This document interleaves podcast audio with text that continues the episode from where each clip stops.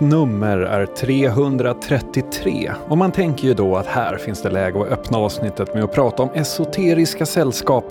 Numerologi och kabbala från avsnitt 333 via Hinhåle 666 till Kents 999.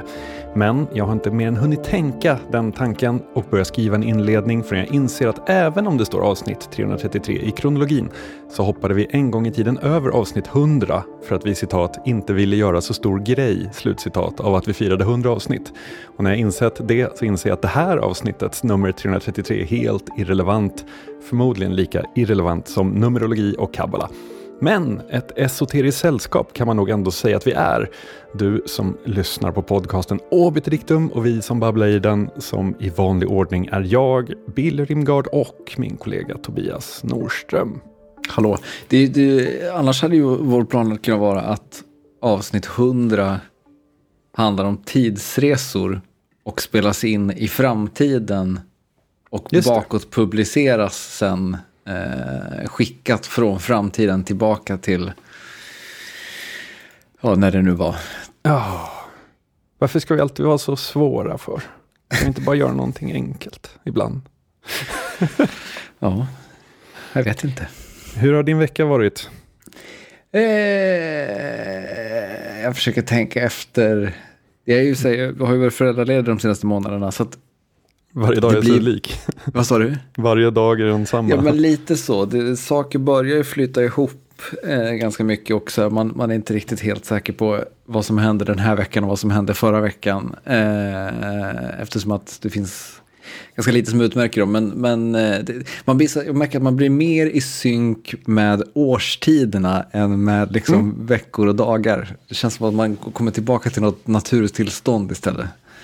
En fullkomligt absurd tillvaro på många sätt. Det är just där man tänker att så var det i alla fall för mig att innan min föräldraledighet, så båda föräldraledigheterna, så tänkte jag så här, åh, nu, nu ska jag göra en massa grejer, jag ska luncha med de här och jag ska göra det här och det här.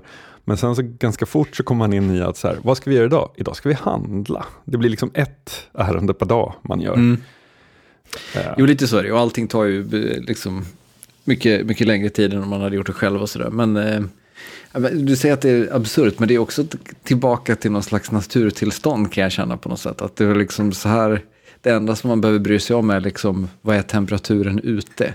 Det, det är inte så ja. mycket, idag är det torsdag klockan två. Det är för sig helt sant. Hur har din vecka varit? Jo, men det var, hände en ganska speciell grej faktiskt. Uh, den är lite Trackmania-relaterad. som så mycket annat. Ja, exakt. exakt. Ja, men det är så här att I spelet Trackmania som jag har pratat om tidigare så är det så att varje kväll klockan 19 så körs någonting som heter Cup of the Day där spelutvecklaren har valt ut dagens bana och så är det liksom tävling på den. Och det är liksom kind of a big deal för att säga att det görs 30 000 banor om året och så är det bara 365 som kan bli Cup of the Day. Så det finns en, liksom, ja, det blir prestige i de där. Folk tävlar för att ha bra tider på dem och sånt. Och då måste jag fråga, är liksom utvecklarna, de, eh, de låter liksom olika kreatörer skina så att säga? Det är inte att det, det finns en, en, handfull och så är det deras banor om och om igen, eller? Du, det finns en handfull och så är det deras banor. För att det ah, finns liksom, okay. säg att det finns ett 30-tal som är som sticker ut över alla andra. Så att oftast så är det ju namn man känner till. Men då och då så slinker det igenom någon, någon färsking. Och i måndags klockan 19 så stod jag på läktaren på en fotbollsmatch och så började det smattra notifieringar från Discord i min lur. Och då hade de valt min senaste bana som, som Cup of the Day. Lite roligt. Ja, det, snart kommer, snart, när, eller ja det kanske är redan. Är du, är du mest känd i världen som eh, musikjournalisten, den förre musikjournalisten, numera poddaren Billy Rimgard, eller är du mer känd som isbanemakaren i Trackmania, Billy Rim? Alltså i och med att det är 12 000 som har spelat banan hittills, så, så är det nog det sistnämnda. Nej, det, det, är fler än 12 000 som har läst dina alster och hört den här podden. Kanske ja, inte just det här avsnittet, men våra mest lyssnade avsnitt. Men du sa det där med is. Jag, tidigare har jag varit insnöad på att bygga is, eh, men den här upp, Uppdateringen som skedde i höstas sabbade ju mycket. Så att det här var mer en mixad bana med gräsunderlag och sen rätt mycket av något som heter bobsleigh, som är liksom, visst isen är underlaget, men det handlar mer om fart där.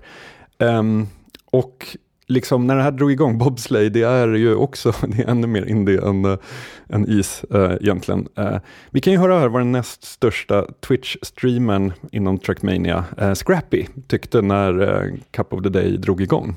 Oh, it's an actual bench bobslayer. Oh no.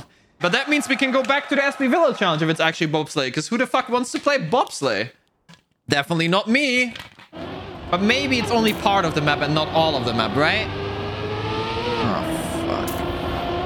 Oh, man. What an exciting cup of a day. Crazy. Wow. Svidande kritik. Hur kändes det här? Ja, det var väntat kan jag säga. Det var väntat. Bobsleigh, bobsleigh-communityn är liksom...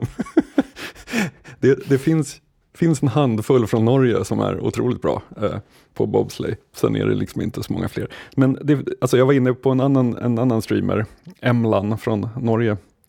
Eh, I hans eh, stream lite senare på kvällen när han satt och jagade en bra tid på banan och blev överöst av kärlek från alla bobsleigh lovers som inte har fått ha en bana i Cup of the Day på över ett år. Um, men jag bara tänkte, jag kände lite så här att, för det var ju så här lät det ju överallt, alltså folk hatar det här och jag är helt, jag fattar det liksom.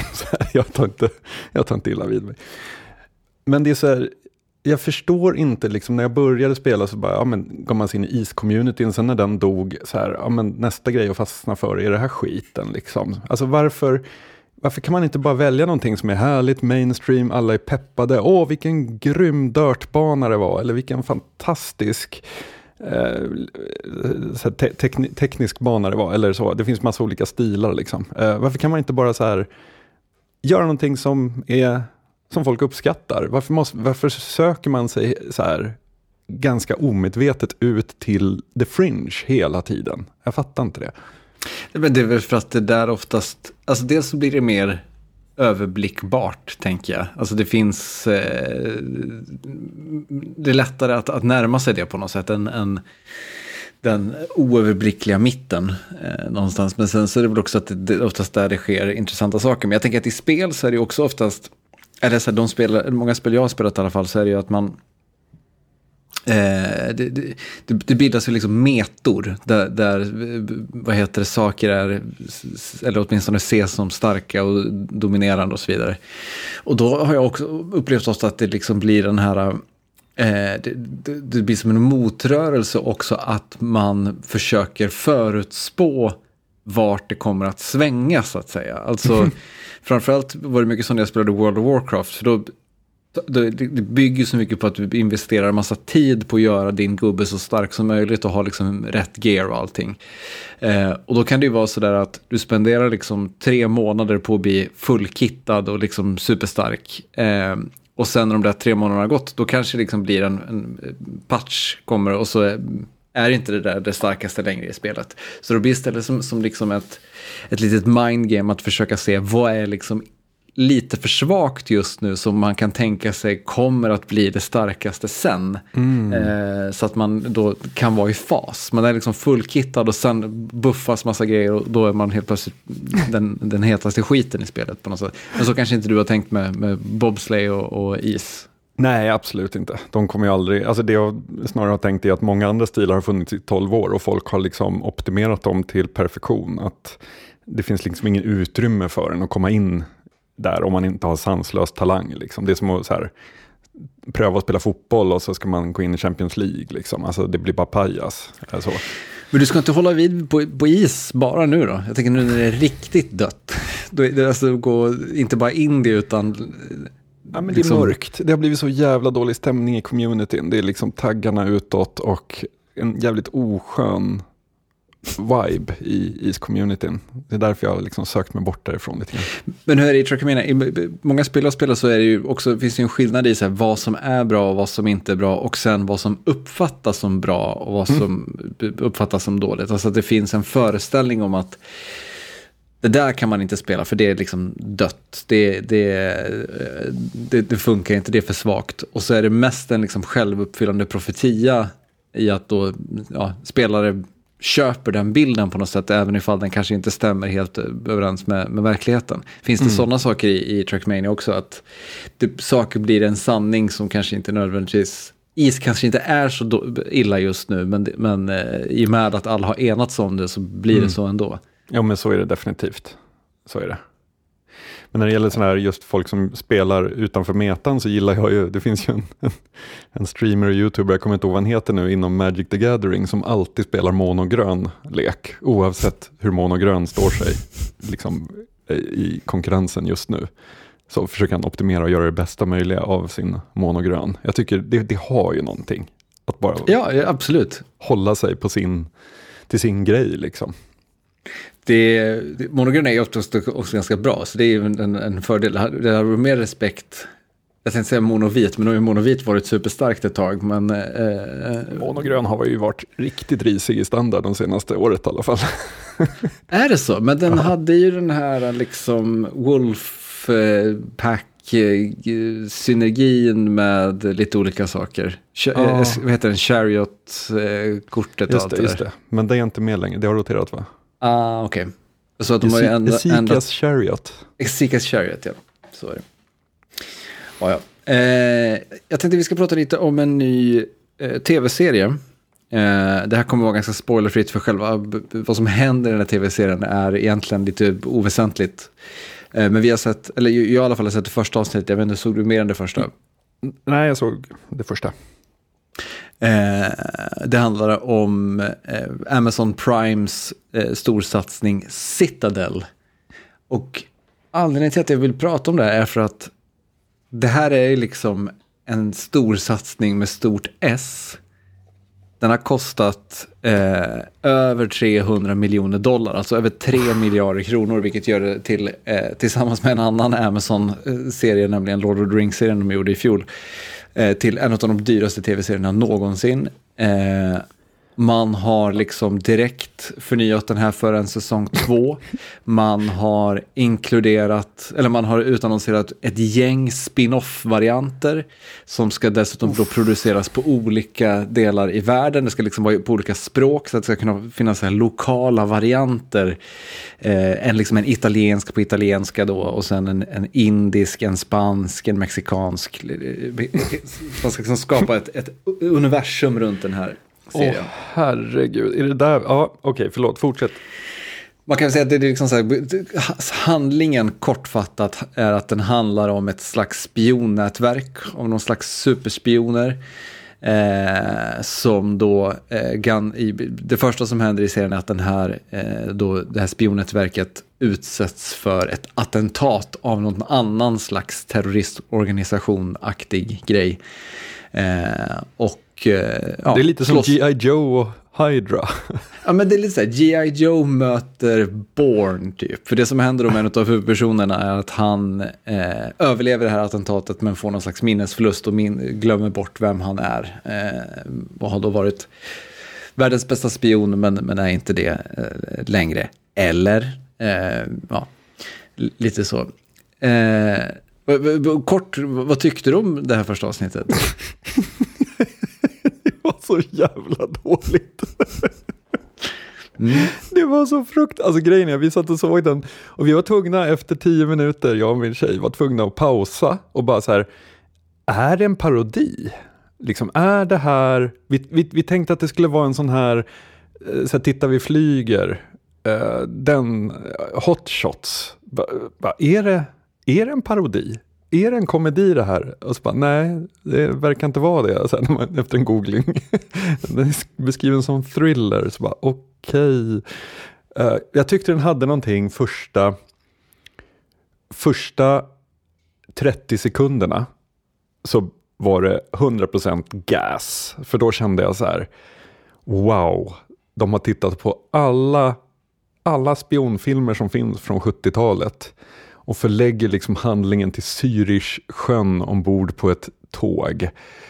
Och det är liksom, allt är bara så snyggt och slickt och allting. Sen när de öppnar munnen, typ mm. första, första dialograden, då bara, uff, jag såg direkt var den var på väg. Jag såg direkt var den var på väg. Att en av de första replikerna är en av de första replikerna i hela scenen, och det här är alltså då en scen där vi, en spion är ute på uppdrag, fattar man direkt, och pratar med någon slags operatör i örat och operatören, en av de första replikerna operatören säger Remember, there's, there's a thermonuclear device in that briefcase. Alltså, som, så som att den behövde liksom så här, på, spionen måste påminnas om Alltså det är så klumpigt manus att bara här, känna att man måste liksom förklara det för tittarna på ett sånt ja, vi, vi, vi, ska gå vidare till liksom det du vill prata om som jag inte vet vad det är. Men jag vill bara säga det eh, att jag är absolut öppen för korkad actiongrej. Älskade Blacklist till exempel. Eh, fantastisk serie. Eh, ge mig jättemycket skön spion-action eh, och eh, klandestina resor från Zürich Eh, för att stoppa en thermonuclear device. Det, jag är ombord för det, men det här var ju så otroligt kackigt utfört. Jag vill bara föra det till protokollet.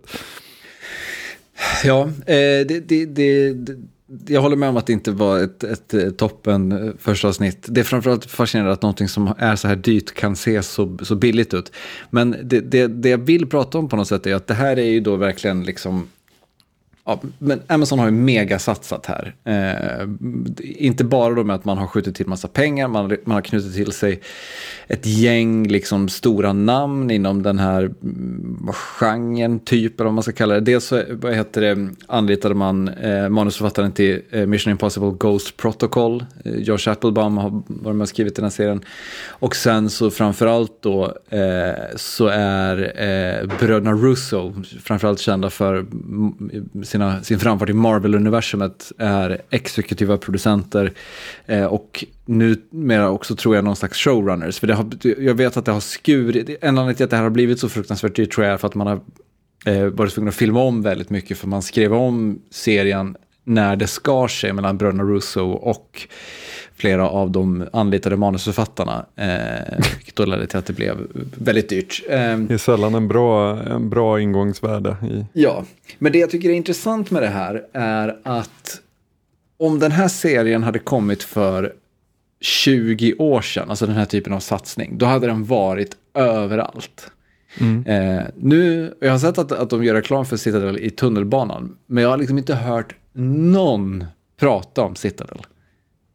Eh, och det är ju tydligt att med den här och liksom deras Sagan om ringen-serie, så det, Amazon Prime, det som är, det man investerar i här är ju liksom kulturellt genomslag. Det är det man vill åt. Det är det som liksom så här um, är, är målet. Eh, och det är därför man också liksom direkt visar att man kommer satsa på det. Man utannonserar en massa spinoffer, man förnyar för säsong två. Man vill liksom visa att det här är en, liksom en prestigeprodukt som vi producerar som, som vi kommer att, att underhålla och hålla vid liv. Eh, och det, krus, eller så här, har du sett mycket buzz runt Citadel? Du, jag hade inte en aning om vad det var när du sa, bad mig titta på första avsnittet för det här. Nej. Eh, noll koll. Det är, som sagt, man har alltså satsat tre miljarder kronor på, på den här serien. Det, det, det, och det som slår mig på något sätt är så att, eller min, min fråga till dig är så här, är det möjligt att liksom köpa sig till ett kulturellt genomslag då? Det är en bra fråga. Jag tänker att så här, en serie som Succession, den har man ju varit tvungen att titta på dagen efter avsnittet har kommit ut, därför att alla pratar om den. Alltså så. Mm. Eh, verkligen alla eh, i min sfär, min filterbubbla, så pratar alla om Succession. Um, jag tänker att det har funnits den typen av exempel även kring mer liksom nischade, jag tänker på eh, Severance var väl också en sån där som inte alla pratade om men som många pratade om. Eh, så att jag, jag tänker att så här, man kan nog investera sig in i buzz om man eh, liksom vill det. Men jag tror att här, dels har man försökt replikera någon slags Agents of Shield eller någonting sånt där. Mm. Man har liksom försökt, man har försökt uppfinna man har hoppat över 40 stycken serietidnings-arcs och försöker uppfinna en ny motsättning mellan de här, vad heter de, Argonaut eller någonting sånt där. Nej, vad hette de? Motstånds... Alltså, ja, just Citad det. Jag minns inte. Nej, eh. Citadel, alltså precis som Agent of Shield och Hydra. Eh, Eh, och, och G.I. Joe och Cobra, alltså den motsättningen liksom. Jag sa, jag sa Hydra förut när jag namedroppade G.I. Joe, men ni behöver inte mejla, jag vet att jag sa fel.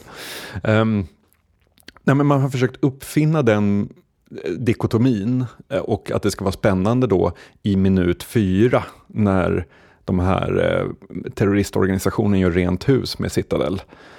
Och man bara, ja, alltså, jag känner ingenting. Jag skiter fullständigt i om Citadel blir utrensade.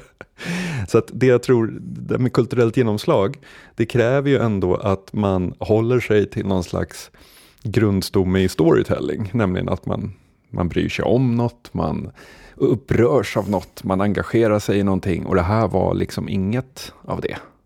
Men gör det det? Alltså jag tänker att så, det hjälper ju såklart. Det, alltså den, den minsta av tv-serier, eller den minsta av filmer eller minsta av böcker kan ju få ett, ett kulturellt genomslag om den har någonting som är intressant som väcker bass såklart. Men jag, och jag kanske liksom har en skev bild av det förflutna, men jag, jag, för, jag, jag minns det åtminstone som att förr i tiden så kunde man liksom bestämma om en sak skulle få ett stort kulturellt genomslag. Alltså man anlitade rätt personer, rätt huvudrollsinnehavare, rätt regissör, investerade liksom rätt mängd pengar i marknadsföringen så blev det en snackis oavsett i princip. Eh, men det mm. känns, det, det som jag tycker sitter är någon slags symptom på är, är att det, liksom, det känns inte som att det receptet finns kvar på något sätt. Det, det, kan vara så, bara, så enkelt som att det är så många kanaler idag som liksom eh, konkurrerar om vår uppmärksamhet att det, det, det, gör att det liksom inte går att köpa, eh, köpa sig till ett, ett, ett, ett stort, eh, en buzz eller ett, ett, ett, stort antal tittare. Men, men jag vet inte om det också är någonting annat, att vi bara har blivit matt på att det, det, det, har varit så många sådana grejer de, de senaste 20 åren. Vad, eh, vad, tror du? Ja, men alltså är det inte så här att, så här, ja, vi har ingen, det finns ingen delad kulturupplevelse längre. Eh, den, den, är distribuerad. Um, om man försöker att skaffa, skapa en, eh, jag menar Game of Thrones är ju ändå liksom i närtid en, en sån delad grej. Och jag, jag, tror fortfarande att det är möjligt om man gör saker som engagerar.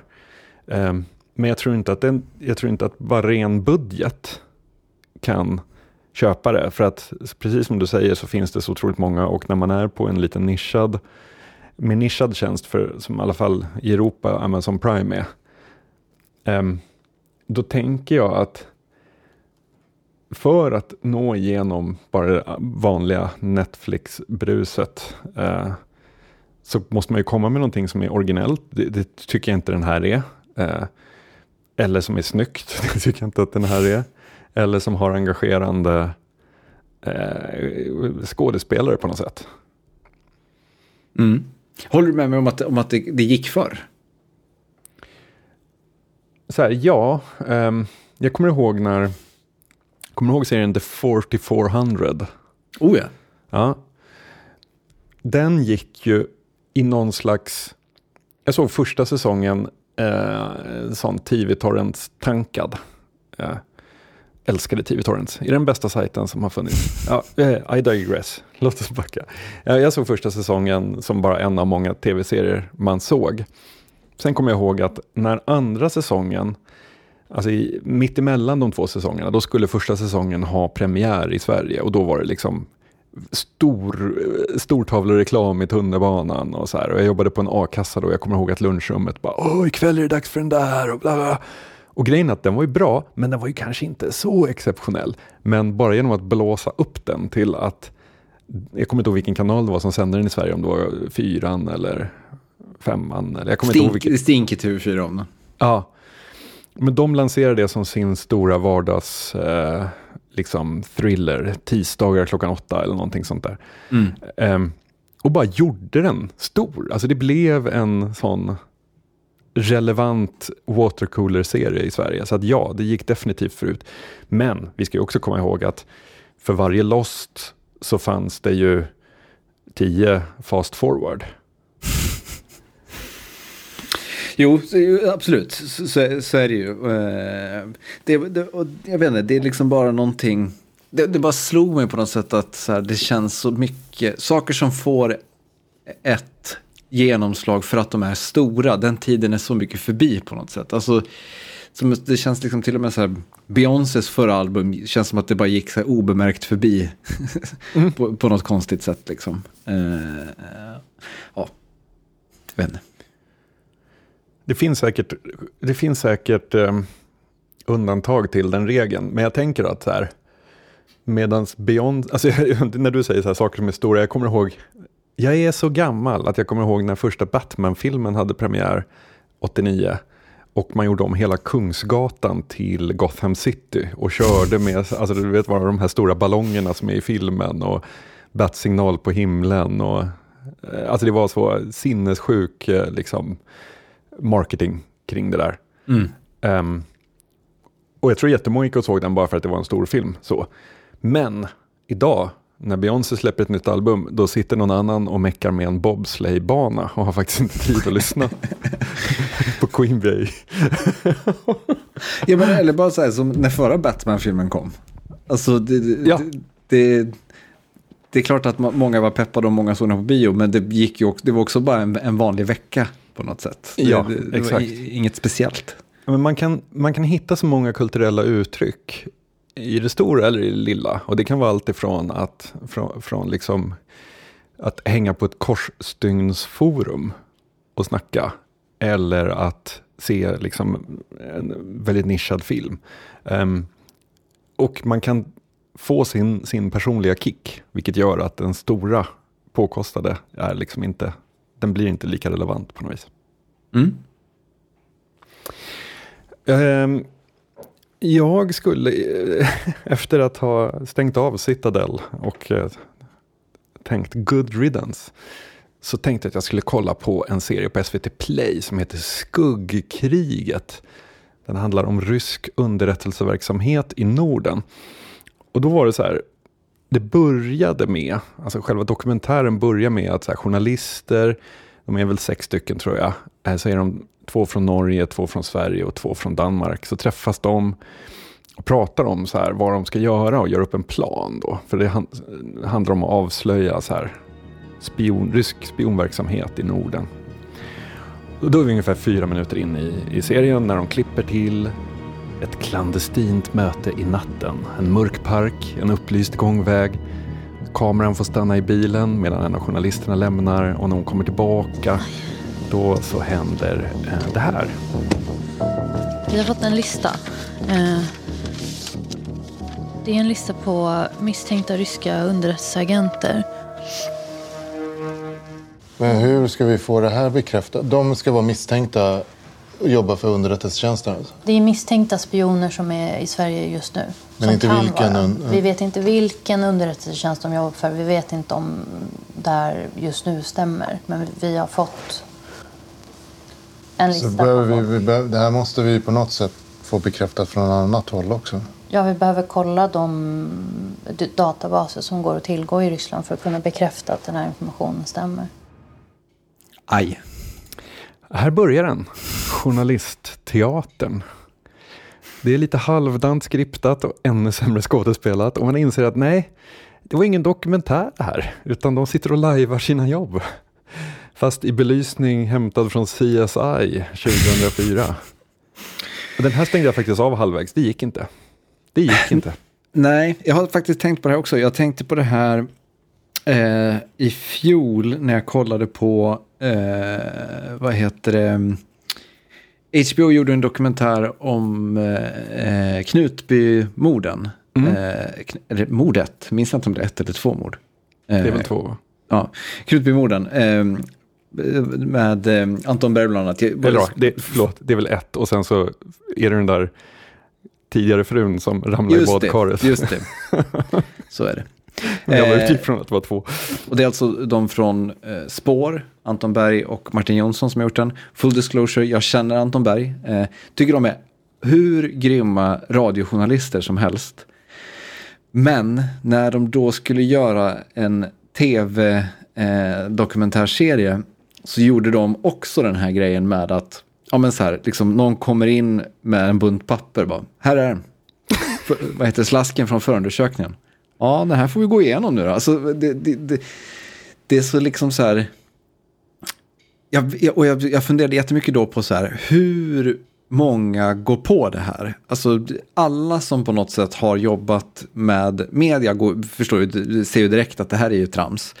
Eh, men hur många av de människorna liksom ute i stugorna som aldrig har varit i kontakt med ett mediehus eller liksom någonting sånt tycker att, tror att det här är på riktigt? Mm. Eh, är det okej okay att de människorna tror att det är på riktigt? Alltså för att det, det är ju det är någon slags, liksom lite, lite, jag förstår att det är för dramatisk effekt, men det är ju liksom lite mygel ändå. Och alltså på ett sätt, det slår mig också då, man kommer undan med så mycket mer när man gör radio. Alltså att säga liksom att eh, vi kommer över förundersökningen och bla, bla, bla, man, man kan liksom göra någon ljud, man bläddrar på lite papper och liksom läsa upp någonting för någon annan. Och det, det känns ganska liksom naturligt.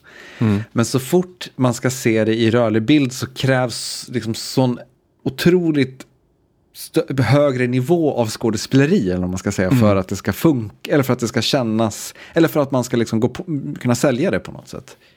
Jag tycker att det går igenom, det kan gå igenom även i radio, så här, alltså en, en miljö, alltså om man har en mick med in i ett rum, eh, om man inte har förberett något utan bara plockar upp, det är då man plock, får godbitar. Men om man däremot så här, shit, här måste vi, här måste vi ta historien vidare på något sätt och vi har ingenting vi kan göra med, kan vi spela in liksom en, en dialog mellan mig och producenten, typ om det. Mm. Alltså de blir ju aldrig bra, för man bara, man låter som skådespelare i svensk film. Man artikulerar. Ja, och, och grejen är så här, det här, precis som du säger så har det här har ju hänt under ett antal år. Eh, framförallt i true crime-poddar och, och sånt tycker jag. Att just man skriver in sig själv. Det är inte, eller så här, skriva in sig själv i berättelsen, det har ju folk gjort liksom, sen Truman Capote, om inte tidigare. Eh, och det är inget fel om man exempelvis behöver ta handlingen framåt, eller om man sitter inne på kunskap som, ja men så här, Radiolab var ju världsmästare på att dekonstruera ganska komplexa vetenskapsgrejer genom att ha en dialog med varandra. Det var liksom enda sättet att göra det underhållande.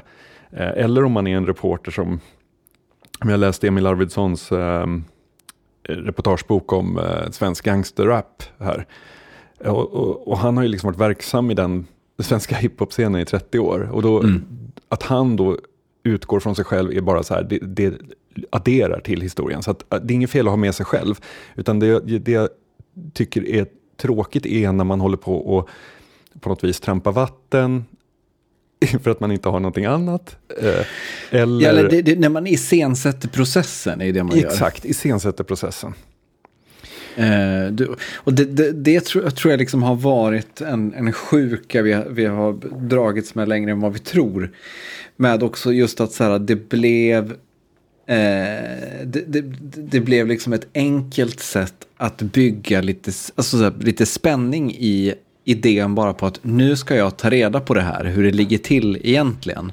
Och så kan då själva liksom arbetet med att ta reda på det tänker man blir liksom nog för att göra själva berättelsen intressant. Då behöver liksom inte berättelsen i sig vara intressant, för man kan tycka att informationssökandet kan porträtteras som, som intressant. Eh, och det är en, och kan jag ofta tycka en slippery slope. Serial gjorde ju lite det där. Hon startade podden när hon ger sig ut på sitt sökande efter sanningen på något vis. Mm. Eller liksom, det är så vi ska uppfatta det. Sen hade de säkert en bra plan för det. Men där var det lite så här, uh, but that's next time on Serial. Ding, ding, ding, ding, ding. Ja, um, Fan vad man var trollbunden de där första säsongerna. Då. Ah, helt otroligt, helt otroligt. Um, men jag tänker att det tyvärr blev ett blueprint för att göra sånt här. Men jag har, en, jag har, jag har en tes om det här. Får jag, får jag uh, torgföra den tesen?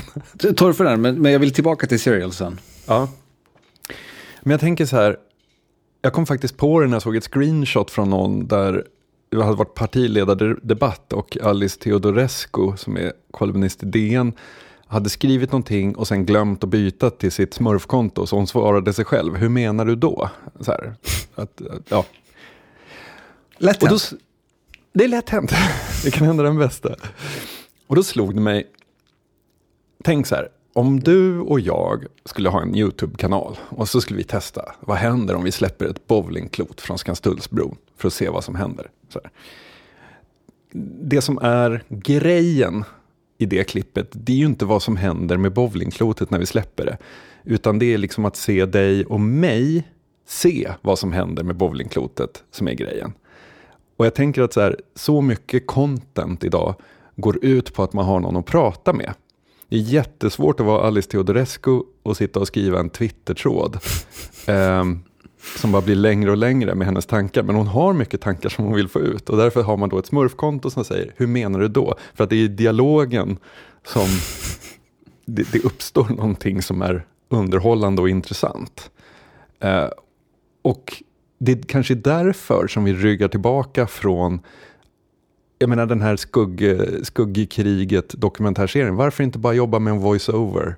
Liksom, gör det spännande som fan och guida oss framåt med en voice-over. Och säg att vi, vi, har träffat en, vi träffade en källa som gav oss en lista och den listan Ja, tog oss till den här byggnaden. jag, även då tycker jag att, alltså just, då är vi tillbaka till att då är det, använder man processen som, som någon slags dramaturgisk motor. Och det, jag, jag, jag kan också fatta att man vill bort från det.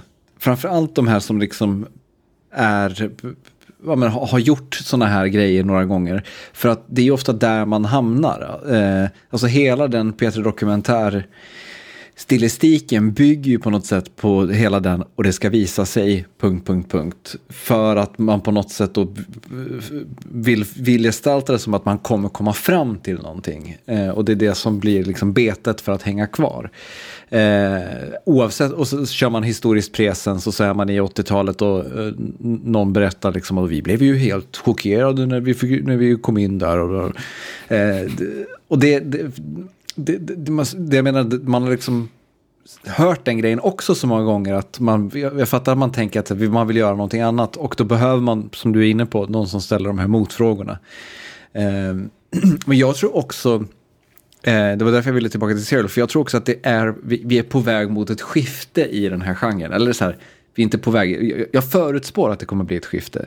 Har du hört senaste säsongen av Serial? Nej, Eh, nu kommer jag spoila den, men det spelar ingen roll för själva poängen är att det inte går att... Det är irrelevant att eh, den, den spoilas. Eh, d- den, precis som du är inne på så, så skriver journalisten in sig själv väldigt mycket. Jag minns inte vad hon heter nu tyvärr, hon som har gjort den senaste säsongen av Serial. Men hon är New York Times-journalist, har gjort massa cold case-grejer. Hon återvände till staden hon växte upp i. Eh, och för när hon gick på high school så ägde ett mord rum i den här eh, staden som hon växte upp i. En, liksom en, det är en liten amerikansk stad. Eh, och hon återvänder då till sin hemstad för att ta reda på liksom, vad hände med det där mordet egentligen. Eh, det är då fortfarande ouppklarat. Eh, det finns en tydlig misstänkt i det här, eh, vad heter det, i det här mordfallet. Och eh, hon liksom pratar med eh, det är så den är inte så personlig att hon pratar jättemycket om, hon nämner lite så här att hon minns när det här mordet ägde rum och vad, vad det genererade i communityt och så vidare. Men det är inte så mycket så att hon, hon liksom pratar inte med sina gamla kompisar, minns du det här och så, utan det, är väldigt sekundärt att hon var med när det här hände på ett plan. Hon, hon pratar mer liksom med de som kände offret, poliser som har hållit i utredningen, den misstänkte och så vidare. Ehm, men det som är så otroligt bra med den här säsongen är att den presenteras så himla mycket som att så här, det här är ett cold case. Det finns den nya DNA-bevis i den här så att det kommer nog komma till en upplösning snart. Så presenteras liksom hela premissen i första avsnittet. Och när man har lyssnat på första avsnittet så är man liksom bara så här, det här kommer liksom, nu, hon kommer lösa det här. Typ. Alltså, hon- eh, men det som istället då är själva poängen med hela den här säsongen är att bit för bit så liksom bara monterar hon ner hela det här fallet och visar att liksom allt det här som vittnen har sagt allt det här som polisen har gjort, det är liksom bara skit alltihop.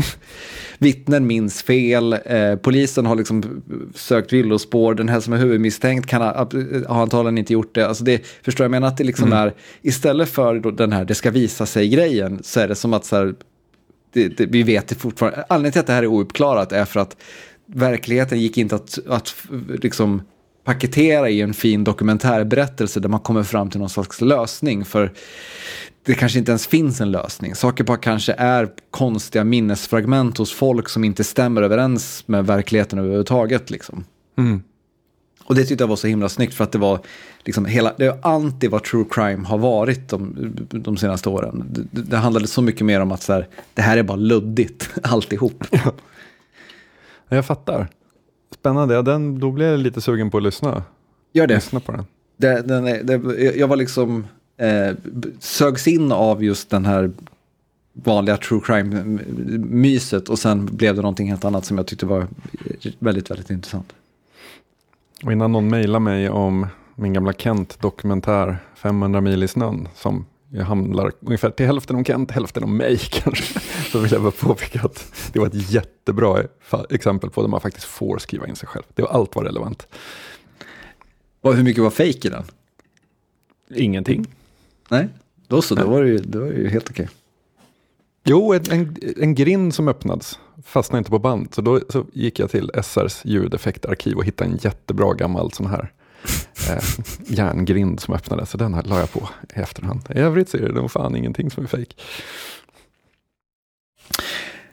Eh, i veckan så kom en eh, ny eh, trailer till en av sommarens största filmer. Eh, en film som vi kanske borde vara superpeppade på i Oddpod. Det känns som att så här, hade den här kommit för massa år sedan, då hade den vi liksom följt det här med, med stort nöje och eh, väldigt initierat. Nu känns det som att det är ganska mycket av någon anledning en axelryckning. Jag pratar om eh, Christopher Nolans kommande Oppenheimer. Vad positiva vi är idag. Ja, men, eller, men så här, jag, jag, kommer definitivt se Oppenheimer, men varför är... Va, eller, när tappade vi Christopher Nolan i den här podden? Ja du. Eh, vi hade ju vårt projekt. Inför Inception så tog vi inte reda på någonting. Inför eh, Interstellar så tog vi reda på varje uns av information vi kunde komma över. Inför ehm, hans konstiga andra världskrig, Dunkirk, Dunkirk. så ignorerar vi helt. Sen kom Tenet in från, ja, jag vet inte, vi pratade lite om Tenet men inte svin mycket. Vi pratade en del om, om Tenet i för, men jag trodde vi, vi snackade om den sen när vi hade sett den. Nej. Ehm, alltså grejen är så här, Christopher Nolan har gjort en ganska intressant resa från den här autören som ska ehm, eh, som ska åter, liksom, eh, å, vad heter det, återuppfinna en hel genre med Batman-filmerna. Och som skulle ta cinematografin till några slags nya konsthöjder med Inception, men fortfarande med en fot tydligt i någon slags eh, fantastik. Så. Eh, han har ju gått lite därifrån till att bli så här, sin egen pappa. Typ. Fascinerad för krig, historia. ja, Tenet bryter ju den trenden såklart. Men på något sätt så är det lite en, så här, märkligt filmval ändå att göra en biopic om Oppenheimer och eh, amerikanska kärnvapenprogrammet. Eh, Det, ja, det är också någonting är... Alltså, brinner man för Oppenheimer? alltså, då menar jag inte filmen, utan b- personen. nej, man gör väl kanske inte det va? Eh, Nej, och det, det är inte för att han verkar vara ointressant, men för att liksom, det intressanta med andra världskriget eller atombomben eller Manhattan-projektet är ju liksom inte eh, Oppenheimer, tänker jag. Det är ju liksom, och det, det, alltså när man kollar på den här trailern så är det ju väldigt tydligt att den här, den här, det här är en berättelse som handlar väldigt mycket om just Oppenheimer. Alltså det, det, den, den fokuserar på såklart eh, världshändelser, men, men det är väldigt mycket utifrån hans perspektiv och saker han brottas med och, och så vidare. Men det är ju inte, alltså så här, det blir på något sätt att någonting som är så intressant som atombomben ur ett liksom globalt perspektiv blir ju ganska irrelevant utifrån en individ, även om det är en individ som är drivande i utvecklandet av den här bomben. Eh, det är liksom samma sak som att så här, Guten, jag, jag vet inte om jag var så intresserad av en liksom, story om Gutenberg. Man skiter ju i Gutenberg. Det intressanta är ju hur det Gutenberg gjorde förändrade liksom världen för all framtid på något ja, sätt. Ja. ja, det känns som att här, jag man är ju fascinerad av det här med, eh, vad heter det, Oak Ridge heter den va, den hemliga staden de bodde i. Eh, där de liksom stängde in alla. Men vi har gjort ett specialavsnitt om hemliga städer. Det känns som Jo. att här, man har benat ut det där. Ehm, och det känns bara lite som så här, Det blev säkert Oak Ridge, det var där de gjorde forskningen och sen Los Alamos var där de byggde bomben var det va? Nå, jag minns Så inte alla turerna i Manhattan-projektet, men något Nej. sånt. Ja. Men just det här konceptet att vi tar våra bästa vetenskapsmän och deras familjer och tar dem till en helt nybyggd stad där de har allt som de aldrig får lämna för att de ska jobba tills de är klara. Typ. Mm. Ehm, det har ju någonting, det, det, det är ju verkligen en sån, um, uh, jävla vad målmedvetet. Men på något sätt så känns det också så här, det ligger så himla fel i tiden med en Oppenheimer-film känns det som. Ehm, för det känns som att så här, den, ja, eller så ligger det helt rätt i tiden, jag vet inte, men li- lite på så här on the brink of World War 3 så kanske inte så här mer monument över det mi- military industrial complex eh, möjligheterna i USA. Alltså, förstår du vad jag menar? Att Mm. det kanske inte är det vi behöver ändå. Jag hoppas ju att den här filmen är skittråkig. Och då menar jag liksom inte tråkig på sättet som eh, man sitter och gäspar, utan tråkig som att den är ja, men ganska stel. Alltså att det inte är eh, så mycket dramatik, utan att det mer är prat om liksom så här, hur gör vi det här, varför gör vi det här? Eh, och, och liksom bara fokus på det på något sätt. För att Alltså hela den, och jag fattar ju att trailern kan ju vara, i en sån här situation kan ju vara så otroligt missvisande just för att man, eh, nu ska man ju sälja filmen och om det här är en pratfilm om, eh, vad heter det, implikationen av ett jättestort militärt projekt så är det kanske inte super säljande att foka på det, utan då fokar man istället på så här, kommer vi lyckas bygga den här bomben i tid? Typ, som att det, det, det är liksom en, en, ett race mot klockan. Eh, men jag hoppas att det inte är det som är, verkligen inte det som är fokus i filmen. För det, det känns som, och att det liksom då är någon slags bara yes, vi gjorde det. Eh, utan, Men det är väl ändå, ändå skönt att det inte är en alternativ historia där Oppenheimer är lika snabb med revolvern som med tavelkritan. Alltså att det, Det hade väl varit biljakter och grejer. Oppenheimer som en sån 007-figur liksom. Ja, eh, nej så, såklart. Nej, men och sen vet man också att det kommer vara så här, åh, det, jag menar, Kom ihåg att han har en thermonuclear device i väskan. första dialograden.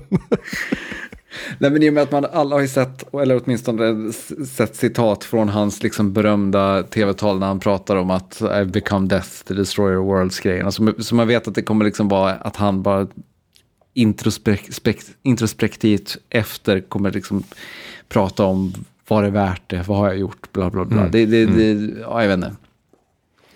Men den ser ju snygg ut som vanligt. Ja, Det alltså, så här, det, ser- det, jag ser jättemycket fram, fram emot att se den här, men den gör, det gör inget med mig på något Nej. sätt. Ja, jag fattar. Det är därför jag säger att det är en axelryckning, för att det liksom, Den, den känns i hjärnan men inte i magen kanske. nej, den känns inte i hjärnan heller. Det, Nej. det, det, det lämnar mig oroväckande oberörd. Du blir helt apatisk när du tänker på den. ja, helt apatisk var man inte första gången man såg The Usual Suspects som är eh, filmen vi ska prata om i veckans eh, slutcirkel. Usual Suspects som kom typ 95 eh, och på något sätt, på många sätt ändå, ritade om kartan för mycket filmberättande. Det var många som försökte komma undan en kanske halv, eh, lite halvknackig eh, story genom att slänga in en twist på slutet. Det får man verkligen säga. Minns du när du såg The Usual- Suspects första gången? Minns du var du var? när du såg? Ah, nej, jag gör nog inte det. Jag gör nog inte det. Jag minns väldigt tydligt Eh, och så, men återigen då, jag pratade om serial, det här med folk som minns fel. Med, med då förbehållet att det här kanske inte alls stämmer. Men så här minns jag att jag såg den i alla fall. Eh, och jag, jag har det väldigt tydligt på, på, på näthinnan att jag såg den på min tv i pojkrummet. Eh, och att den sändes eh, en söndag på TV4. Mm. Eh, och att jag liksom satt hade den på, på tvn på mitt skrivbord bredvid datorn och liksom satt och tittade på den Eh, med ett öga typ. Mm. Och sen kom liksom slutet och då tittade jag inte med ett öga längre. Eh, utan då, då tittade jag med båda ögonen, båda öronen och liksom bara... Va? Alltså det, eh, det, det, var, det var verkligen... Det, så här, det, är, det är verkligen en film som så här, det, den kommer aldrig ha samma effekt som när man ser den första gången om man inte vet vad, vad som kommer att hända.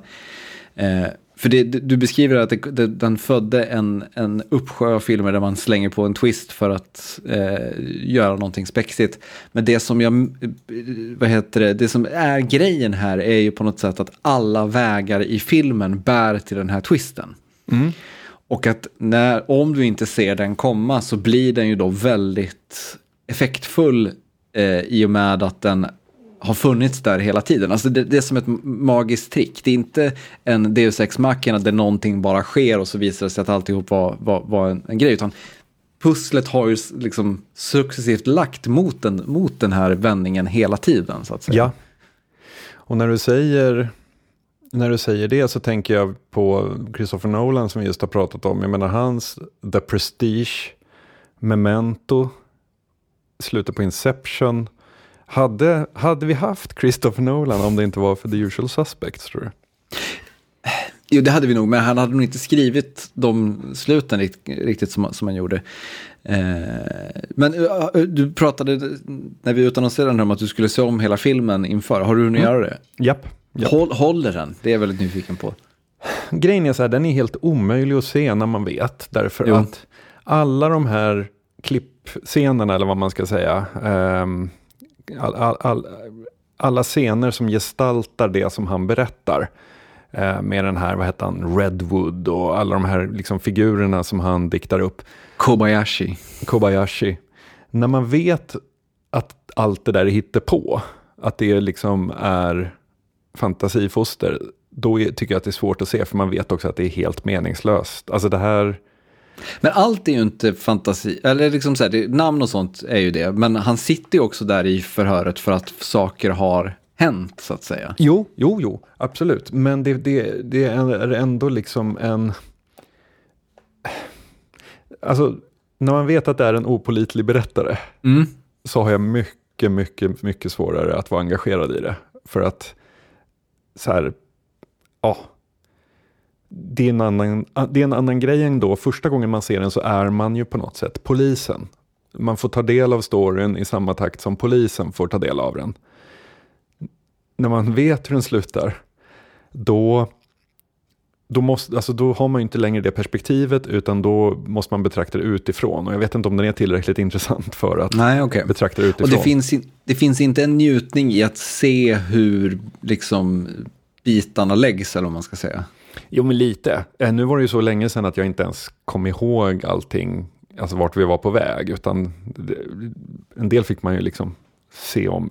Den håller säkert för en närläsning, eh, det, det gör den säkert, men jag måste säga att eh, det är ju inte en sån där film som man kan se om och om och om igen, när allt hänger på en payoff. Det är liksom, hela filmen är en one-liner egentligen.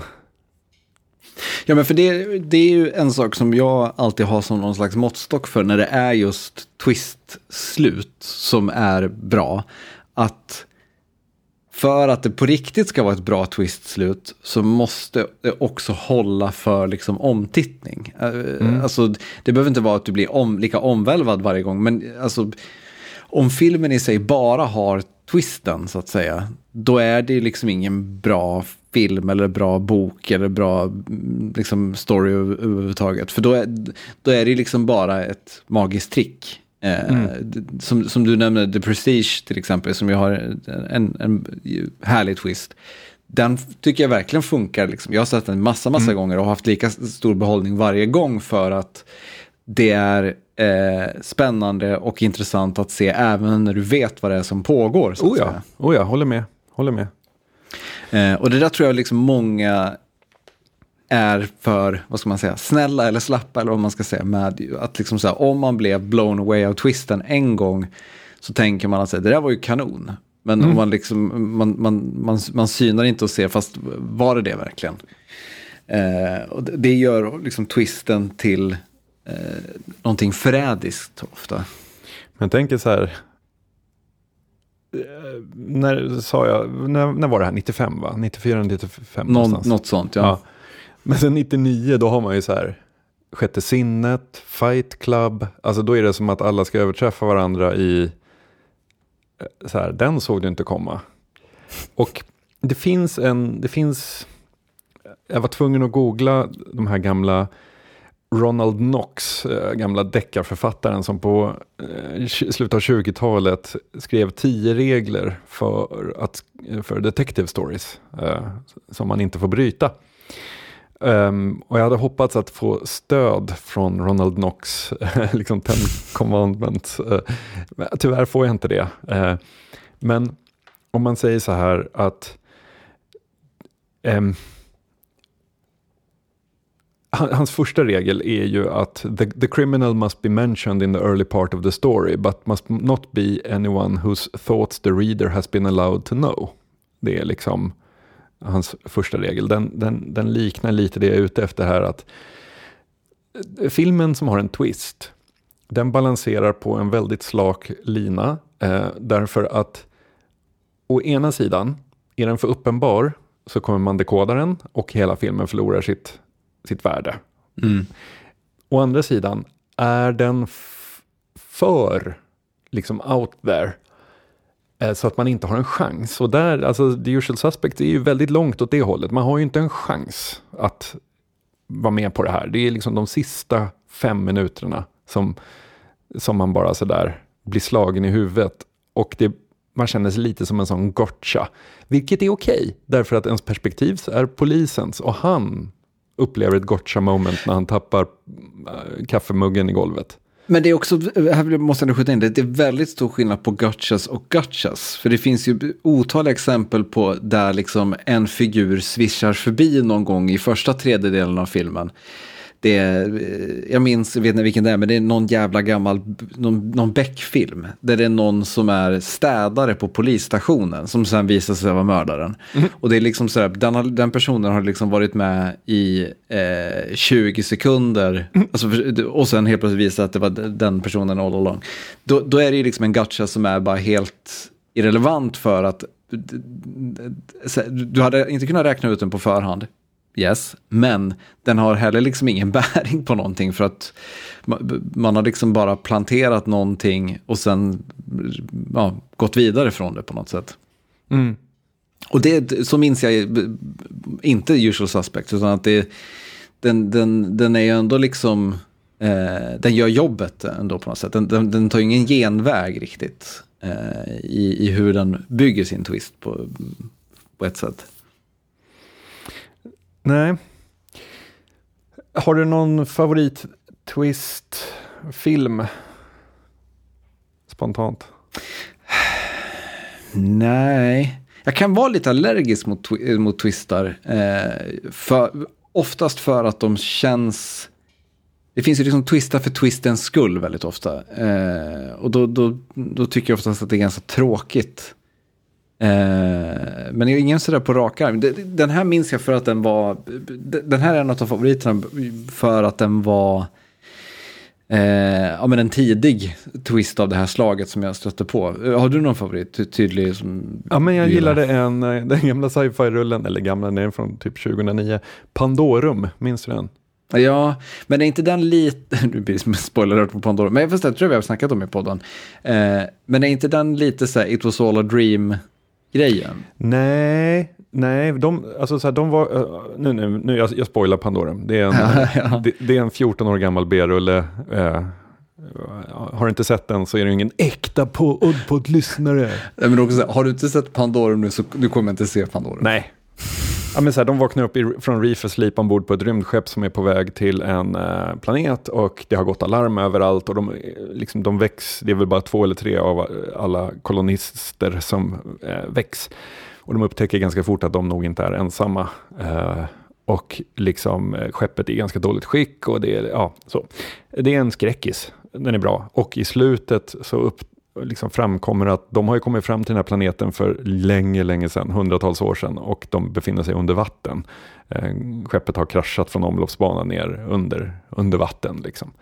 Eh, och när det går upp för en, i och med att så här, de är, har ju hela tiden varit inställningen, och där tycker jag att det är okej okay på något vis, för att vår, de som vi ska identifiera oss med och rota för, de vet ju inte om att det är så här. Det här är mm. ju no, de är på sin upptäcktsfärd också. Ja, Kanske se om Pandemonium, men det blir jag nästan lite sugen på. Ja. Eh, ja, vi har ju pratat lite fram och tillbaka om slutcirkelns vara eller icke vara. Jag känner att vi har åtminstone en typ av slut kvar. Mm. Eh, nämligen det öppna slutet. Mm. Ja. Vad säger du? Är du hugad? Jag är hugad. Jag såg en fantastisk film med öppet slut för inte så länge sedan. Ja, vilken då? Jag kommer prata om då. För jag kommer inte ihåg vad den heter nu. En sydamerikansk film. En, en, en, en tjej i en liten sydamerikansk by uppe i bergen som eventuellt, eller kanske inte, har övernaturliga krafter. Ah, jag kommer okay. inte ihåg vad den hette. Fantastisk. Eh, det jag, jag tänkte föreslå slutet på 2001, A Space Odyssey. Ja, ja, ja. ja.